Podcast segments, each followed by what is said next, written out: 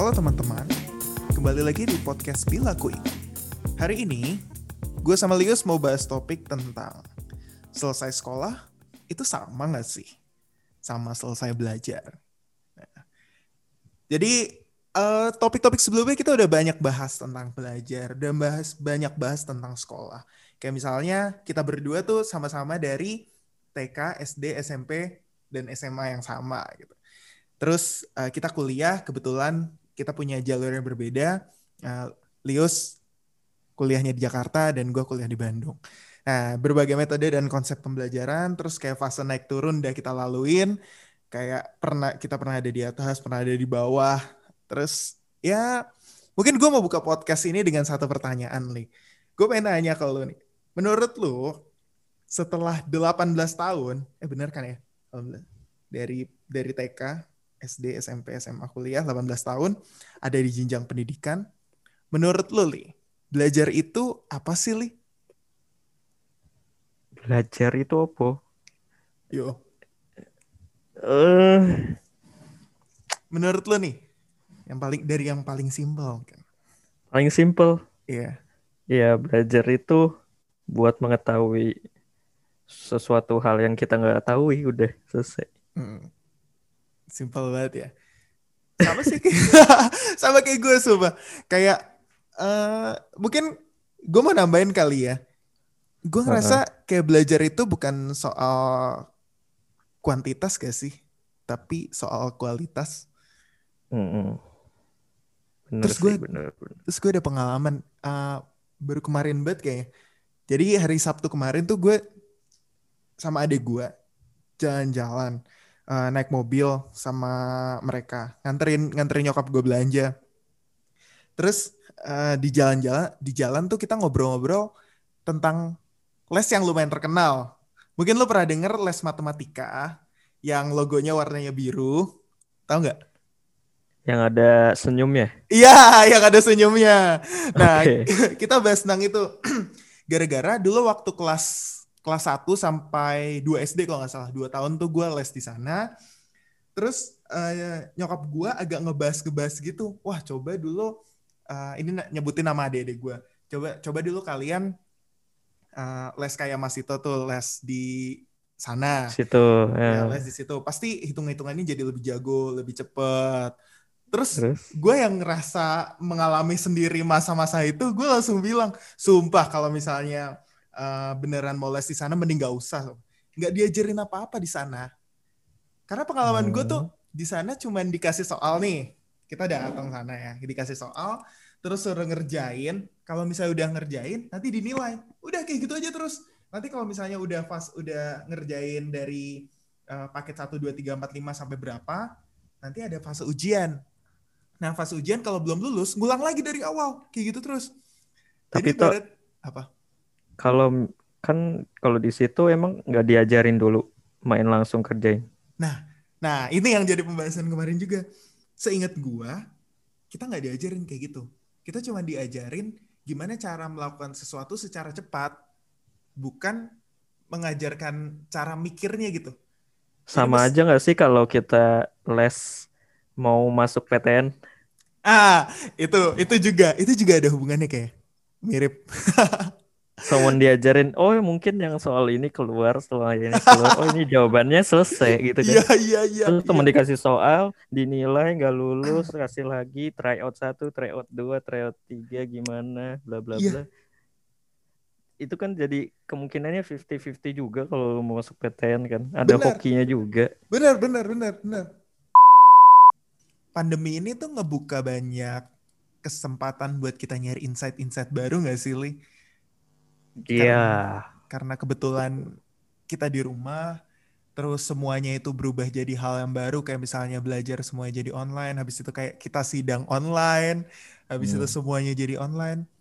Secara mungkin uh, mungkin negatifnya ada, negatifnya banyak, tapi positifnya hmm. juga nggak kalah banyak gak sih? Kayak hmm. misalnya kita jadi bisa belajar uh, yes. di mana aja, kapan aja Mm-hmm. Terus kita nyari hal-hal baru juga jadi lebih gampang. Ya gak sih? Iya, selama pandemi lu belajar apa tuh? Jadinya. Wah, Wah ada ada ada yang menarik sih sebenarnya. Kayak gue baru tahu nih, gue baru tahu beberapa bulan lalu, eh, beberapa iya beberapa bulan lalu lo kalau misalnya ternyata kampus gue tuh punya akses, bukan punya akses, ngasih akses ke uh, jurnal-jurnal internasional gitu. Jadi kalau misalnya gue mau baca nih, gue kalau misalnya, gue kalau mau baca jurnal harusnya kan subscribe satu papernya tuh harganya biasanya antara 49 no. sampai 59 dolar ini yes. jadi gratis cuy. Emang emang. Gila. iya di kampus gue juga. Di kampus gue juga. Sumpah. Gue waktu pas lo cari jurnal gue juga uh. baru tahu kan. Di, dikasih tahu caranya. Oh, nah, iya? ternyata di kampus gue itu udah kerja sama sama Emerald. Wow. Gila. Kayak gitu-gitu. Keren banget Google sih? Scholar kayak gitu. Akhirnya eh beneran gratis akhirnya. Mm -mm. Itu sih yang gue baru tahu. Kayak apa ya mungkin kalau misalnya nggak nggak belajar online gue akan jatuhnya tanya-tanya temen gue kalau nggak tanya-tanya temen gue paling gue datang langsung ke perpustakaan kan karena di situ ada ada berkas-berkasnya gue bisa lihat hmm. kalau misalnya online gue jadi kayak nyari-nyari tahu dan bahkan ya uh, eh, gue taunya tuh dari iseng-iseng gue nyari web perpustakaan kampus gue terus di situ tuh ada satu hmm. option uh, kayak misalnya e-journal and e-publication. Terus gue klik, dia tuh nggak nggak listnya nggak benar-benar menarik kayak cuman ada nama jurnalnya apa, tapi masalahnya itu bisa yeah. diklik. Itu bisa diklik. Yeah. Gue tinggal masukin email gue yang pakai uh, pakai domain kampus, terus jatuhnya gue bisa akses. Wih gila itu keren banget. Terus apa lagi tuh? Terus ada lagi ternyata gue baru tahu kalau misalnya uh, bisa akses online learning di kampus-kampus luar negeri gitu. Kayak misalnya uh. MIT, Harvard. Ya, yeah, bisa, bisa. Terus yeah. universitas di Jepang ada Tohoku, terus ada univ-univ yes. lain lah. Gue baru tahu kalau misalnya uh. ternyata bisa akses ke kampus mereka pakai pakai account kampus gue gitu. Dan uh. menurut gue itu potensi banget sih. Terus yang terakhir ada juga gue terakhir coba-coba akses pakai Coursera. Nah, ternyata Coursera itu salah satu platform online learning yang dia kerja sama sama uh, eh, ITB. Beberapa universitas juga kak. Ah, beberapa universitas. Lu udah nyoba belum ya? Uh, saya kan oh, udah lulus jadi saya. Oh, iya, benar juga. Nah, waktu itu uh, eh, gue nyoba dan ternyata masih bisa enroll dan ternyata kalau misalnya kerja sama oh. itu bisa dapet satu course gratis. Dan oh. selain selain dapat course gratis, kita juga bisa dapat kayak free trial tujuh hari di paket hmm. course yang uh, dia ngasih tahu lah kalau kita mau belajar sesuatu secara lebih komprehensif, kita bisa dapat trial hmm. di sana. Kalau misalnya kita nyelesain dalam waktu tujuh hari, kita bisa oh. dapat sertifikatnya. Kalau enggak, ya lumayan lah worth it ilmunya. Kalau gua ya gak tahu sih ya gue selama udah lulus mah 25% cari kerja. Hmm. 25% tidur, makan, olahraga. 25% baca. Wow. Bacanya tuh tergantung kalau gue bosen ya gue baca novel gue ulang. Hmm. Baca manga. Manga. Baca ya biasanya gue baca bat manga namanya. Oh iya, iya. Orang nyebutnya manga. Sebenarnya orang Jepang pun nyebutnya manga bukan okay. manga. Ya oke, okay. manga. Terus nah, ilmu baru tuh. lumayan, lumayan, lumayan. Iya. Terus apa lagi tuh? Iya, habis itu kalau nggak mau baca, gue mainnya catur, sudoku, PTS, gitu-gitu. PTS itu apa? TTS. Oh TTS. Oh iya iya. Habis itu Eh, lima puluh persennya main game sama nongkrong. Wih. Jadinya 125 persen bukan 100 Jadi waktu lu lebih dari 24 jam ya ini. waktu lu 32 jam. Eh 30 jam. Emang lah. Habis itu ya banyak lah yang bisa dipelajarin apa yang lu butuhin gitu. Misalnya kalau gue di marketing mungkin gue lagi butuhnya Adobe Premiere, Illustrator, Illustrator, Photoshop, Lightroom gitu-gitu hmm. yang belum gue jagoin lah. Terus belajar lagi marketing kayak gimana.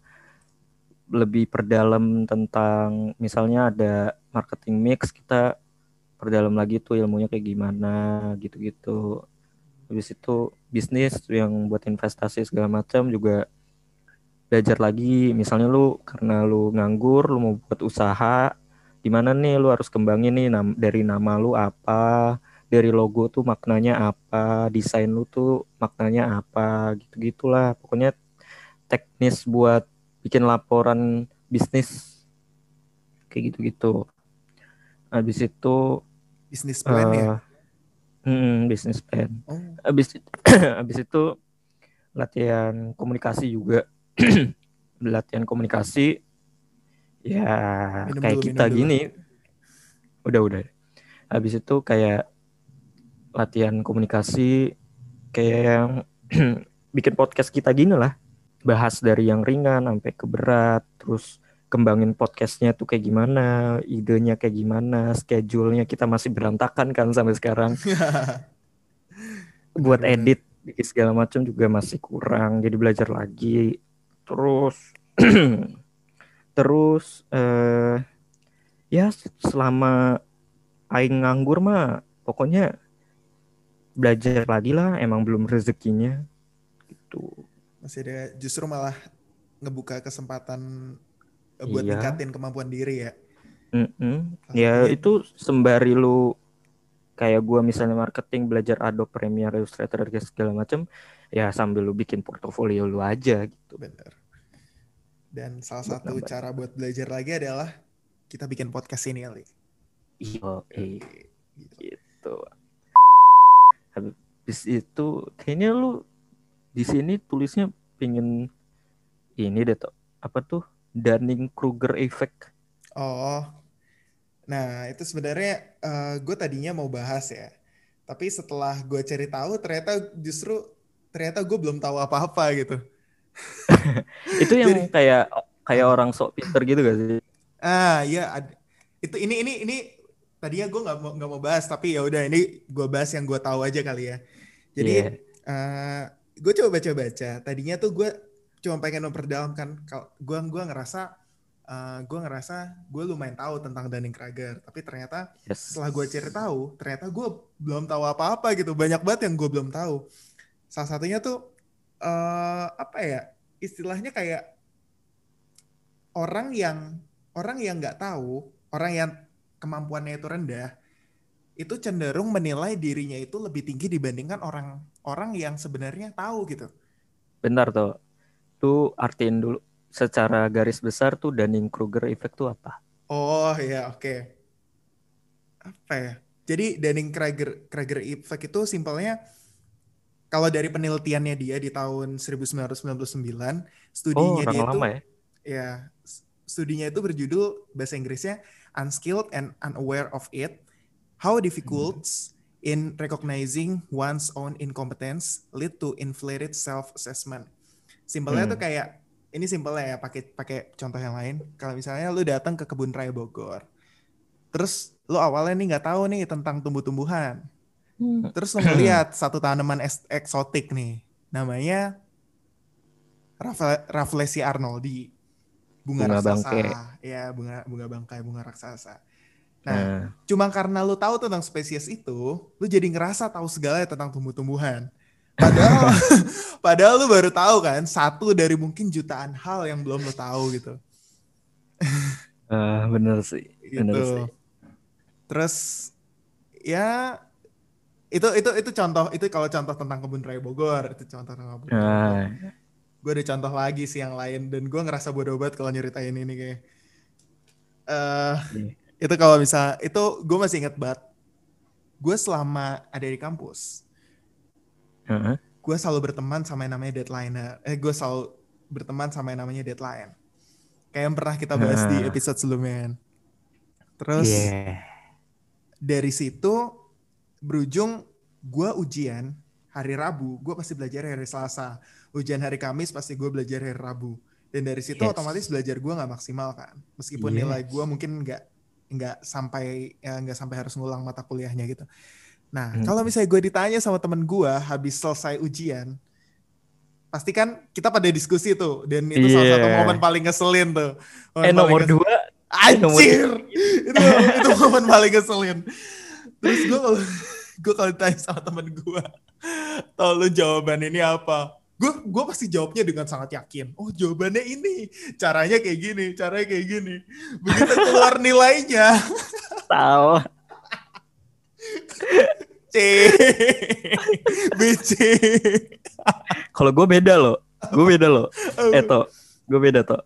Jadi gue sangat yakin akan jawaban gue kan. Terus, Akhir akhirannya waktu dulu ya sebelum gue menyadari. Heeh. Jadi gue eh gue merasa gue bisa, akhirnya gue ajarin teman. oke, Nah ilmunya kan biasanya harusnya copy paste ya. iya. Kalau ini nyerep. jadi teman gue nyerep ilmu gue, jadi gue yang bego. jadi pas ujian dia yang bagus, gue yang nggak bagus. itu gue. ya kayak gitu sih emang ya, bener ya. Terus gue baru ngerasa aja setelah setelah udah mau selesai kuliah ya. Terus lihat ke belakang. Anjir ternyata emang gue tuh awalnya tolol banget cuman gue sosok pinter aja. Jadi lu merasa lu Dunning Kruger effect ini? Iya, gue gue ngerasa itu sih. Itu salah satu Tapi pengalaman pengalaman gue sih. Tapi menurut gue ya, Oh, emang betul. kebanyakan orang kayak gini ya gak sih? Nah, nah itu, nah itu, itu yang tadinya tuh awalnya gue sempet bahas di ini gak sih, Li? Eh, Dian tentang kepemimpinan itu. Hah? yang manusia, terutama laki-laki itu cenderung menganggap dirinya lebih mampu dibandingkan orang lain, yang berujung pada ketidaksadaran akan rendahnya kompetensi mereka yang berada di pucuk kepemimpinan. Jadi kayak Heeh. mereka yang jadi pemimpin tuh eh, terkadang mereka ngerasa kalau misalnya mereka itu yang orang yang paling jago dalam memimpin gitu. Padahal Heeh. sebenarnya belum tentu mereka punya kemampuan buat memimpin gitu. Iya. Jadi betul, kayak betul, betul. eh, apa ya ketidakmampuan mereka menilai kemampuan diri mereka sendiri gitu. Iya, sebenarnya sih ya emang sih kebanyakan kita tuh kayak gitu jadinya Iya, bener. emang. Kayak kita habis baca buku marketing nih misalnya ya, Iya, iya. baru belajar 4P kan, Terus terus. produk produk bla bla bla segala macam, Mm-mm. terus marketing mix, SWOT gitu-gitu kan misalnya. Terus Iya. pas lagi nongkrong gitu kan, Heeh, habis itu orang teman kita lagi bahas-bahas bisnis kan. Iya. Oh, marketingnya kayak gitu tuh. Biasanya kayak gitu sih. Atau atau enggak atau enggak kita lagi bah lagi baca nih selesai kita baca nih tentang Mhm. Eh, buku atau tesis tentang air nih sesuai Iya. dengan jur- jurusan lu nih toh. Misalnya Terus ya. teman-teman di tongkrongan tuh bicarain tentang Banjir. air eh, merek ini atau enggak banjir ini gitu kan. Iya. Terus kita kayak so tau gitu gara-gara kita udah baca satu tesis dua tesis gitu. Sih?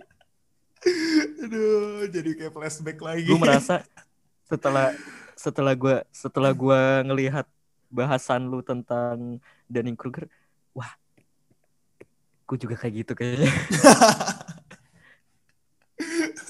Karena Kayaknya- karena orang kan nanya kita ya orang orang nanya kita. Terus di- karena menurut orang itu mungkin market kita misalnya gue di marketing mungkin orang itu percaya kalau misalnya gue tuh bisa marketing gitu kan. Mm-mm. gitu loh. Kayak misalnya orang tuh nggak tahu nih tentang air makanya lu, lu makanya gua tanya lu misalnya Iya. tentang air gitu. Mm-mm.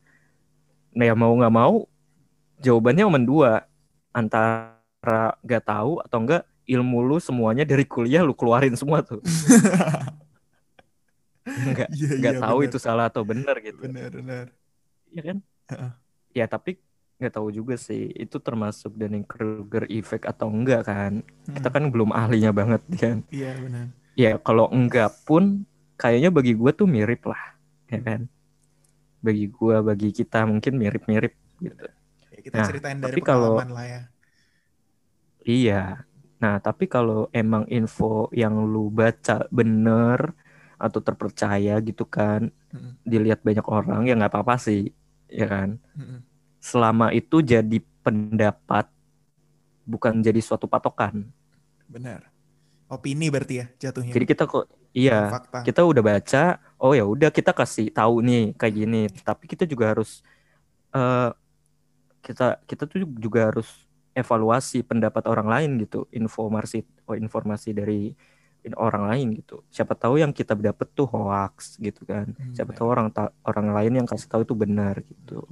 Pokoknya selama selama knowledge wants to talk, wisdom wants to listen, Wow. Oke. si si Keren. Anjing, keren banget. Keren banget aja. itu gue kayak gue keinget nih, nih ya gue kasih tahu ya guys. Apa-apa. Jadi pas pas lu bilang bilang idola-idola itu, jadi tema kita sebelumnya maunya tentang idola kita gitu kan. Nah, gue sebenarnya ketemu ketemu satu orang yang lagi bukunya itu gue baca gitu Iya. beberapa bulan terakhir. Nah, namanya Haimin Sunim. Nah, itu biksu dari Korea. Dia buat dua buku di antara semua buku, dua buku ini paling terkenal lah mungkin. Hmm. Bestseller di Korea ataupun negara-negara lain nggak tahu. Nah, tentang mencintai diri lu sendiri gitu. Hmm. Nah, pokoknya ada salah satu kutipan dari buku itu bilangnya knowledge wants to talk, wisdom wants to listen. Jadi kayak pas lu gue baca setelah kita denger, setelah gue denger dari pembahasan lu dan Kruger effect ini, eh bener juga nih katanya si Hainim Sunim ini yang sering gue baca, Iya. yang lagi gue baca bukunya gitu. Hmm. Knowledge wants to talk, wisdom wants to listen. Karena si penyidap Dunning ini, Dunning Kruger ini, kalau masih ada, kalau masih apa ya gimana ya? Ya pokoknya nggak masalah deh selama dianya tuh masih mau denger kita, terus kaji ulang info yang benar atau enggak dari kita. Hmm. Itu menurut gua nggak masalah. Selama dia kasih tahu info yang benar, kayak kayak eh, sidang BPU PKI itu tanggal 29 Mei sampai 1 Juni 45 gitu. Atau sidang keduanya 10 Juli sampai 17 Juli 45 gitu. Sidang PPKI 18 Agustus gitu-gitu. Gila hafal. Kayaknya itu kan fakta kan. itu gua nggak tahu sih itu benar atau enggak. Tapi Oke. tapi yang gue inget tanggalnya segitu kayaknya. gila Habis gila. itu kayak Gila, satu gila. tambah satu sama dengan dua satu, satu satu tambah satu sama dengan dua segala macam itu kan udah fakta gitu kan Hmm, maksud hmm. gua udah Hmm. bener infonya udah bener jadi yang Hmm. menurut gua nggak masalah Hmm. gitu tapi kalau yang emang simpang siur mungkin lu bisa pas bicara sama teman-teman lu bicaranya eh, menurut info yang gue dapet kayak gini gini gini gitu loh Hmm. jadi orang bisa mikir lah bisa mikir-mikir kalau misalnya info itu belum tentu benar atau enggak itu sih menurut gue Berarti eh, kalau bisa sebisa mungkin meminimalisir opini, terutama di hal yang nggak kita kuasain, dan cuman ngomong sesuatu yang fakta ya. Mm-mm. Gila, tapi quotes lu keren Iya. banget sih tadi. Quotes lu keren banget.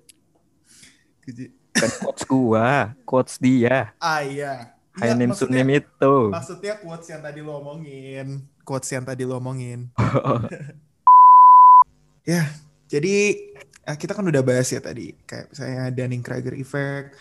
Habis itu bagaimana sih sebenarnya kita menyadari kekurangan kita dengan cara belajar lebih banyak.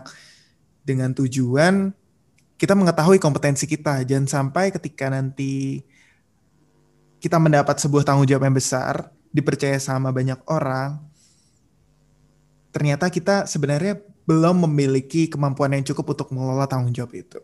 Nah, dari situ mungkin kita udah mau sampai akhir kali ya, Li. Saran-saran deh menurut lu apa sih yang penting buat teman-teman kita tahu? Eh, saran buat apa ya, Tok? Saran-saran biar kita bisa uh, menghindari menghindari Dunning-Kruger effect kali ya. Jangan sampai setelah selesai sekolah kita langsung serta-merta selesai belajar gitu. Padahal belajar itu kan adalah sebuah sebuah tindakan yang berkelanjutan gitu. Dari nggak nggak cuman waktu sekolah aja kita belajar, tapi di kehidupan itu kita juga ikutan belajar gitu. Oke. Terus ini lifelong learning apaan, Tok? Apa? Lifelong learning apaan, Tok? lifelong learning itu maksudnya jangan sampai jangan sampai kita berhenti belajar waktu kita selesai sekolah. Oh, itu se, se itu tuh suat kayak maksudnya apa? Teori gitu, Tok? Atau gimana, Tok? Bukan itu cuma istilah dari gue aja kayak. Ya, Sebenarnya ada sih kalau misalnya kita nyari di Google terus eh kalau kita ketikin lifelong learning itu juga ada kayak istilahnya tuh menurut kalau menurut Wikipedia lifelong learning is the ongoing, voluntary and self-motivated pursuit of knowledge for either personal or professional reason- reasons gitu. Jadi intinya proses belajar yang eh, berkelanjutan, sukarela dan dimotivasi oleh oleh keinginan diri sendiri gitu. Hmm. Tapi ya simpelnya tadi sebenarnya udah kita bahas. Oh. Salah satunya adalah dengan uh, menyadari kalau misalnya terkadang kita menilai kemampuan diri kita sendiri itu salah. Gitu. Uh, kadang-kadang kita punya penilaian terhadap diri sendiri itu jauh lebih tinggi dibandingkan kemampuan yang sebenarnya kita mampu gitu. Misalnya kita uh, menilai sesuatu itu dari 0 sampai 100. Kita menilai kemampuan kita itu 80 padahal sebenarnya kita itu baru punya kemampuan 5 per 5, 5 dari 100-nya gitu. Hmm. Nah, dari situ ketika kita udah menilai kemampuan diri kita sendiri itu sebenarnya rendah, kita menyadari gitu kalau misalnya belajar itu nggak cuma dilakuin waktu kita sekolah aja gitu. Ketika kita lulus SMA, nggak serta-merta kita jadi jago kan. Ketika kita lulus kuliah, nggak serta-merta belajar itu selesai di situ. Gitu. Padahal kan kehidupan itu jauh lebih luas daripada sekedar sekolah dan kuliah kan. Banyak hal di luar sana yang pasti kita belum belum tahu dan pasti kita butuh waktu lagi buat belajar gitu. Ya, itu sih. Kalau gue sih ini saran berarti ya benar-benar saran gue buat itu ya gimana ya sebenarnya ya tinggal lu belajar aja sih gimana sih? Kan kan eh, inti dari Dunning effect kan kayak kita so tahu so pinter. Ya kan? Ya udah kalau misalnya kita misalnya eh cuman tahu dikit tentang marketing ya lu perdalam, perdalam lagi aja marketing gitu. Hmm. baca-baca lagi marketing gitu. Sebenarnya sih tindakannya cuma itu ya belajar lebih Benar sih. bela- belajar lebih banyak aja tentang yang lu bahas itu. Hmm. Yang lu baca-baca apa yang lu suka yang lu baca gitu Ya, Mau- jangan lelah mau- buat belajar ya. Iya, mau manga, mau artikel, mau novel, mau majalah, tesis, laporan, skripsi, buku apa pun, ya benar. koran, caption IG, tweet Twitter, gosip terkini, berita aktual, cerita dewasa, ya terserah lu aja. Cari tahu aja makanya ya. Cari Yang tahu. penting asal dapat ilmu lah. Iya. Ya, Benar, kalau nggak suka nggak suka baca ya nonton YouTube kan banyak. Hmm. Terus ada dokumenter, ilustrasi, ilustrasi, National Geography, berita on the spot, bocah petualang, puisi untul banyak anjing. Tetap jadi orang. Inti intinya eh, harus penasaran ya sama sesuatu ya. Simpelnya adalah eh di atas langit masih ada langit. Ya, itu aja lah. Mantap. Itu penutup dari Lius. Penutup dari gue. Ketika lu ngerasa tahu segalanya, di situlah harusnya lu tahu lu nggak tahu apa-apa. Ya udah, mungkin segitu aja eh, pesan-pesan dan podcast dari kita. Sampai jumpa di episode selanjutnya. Bye. Oke, bye.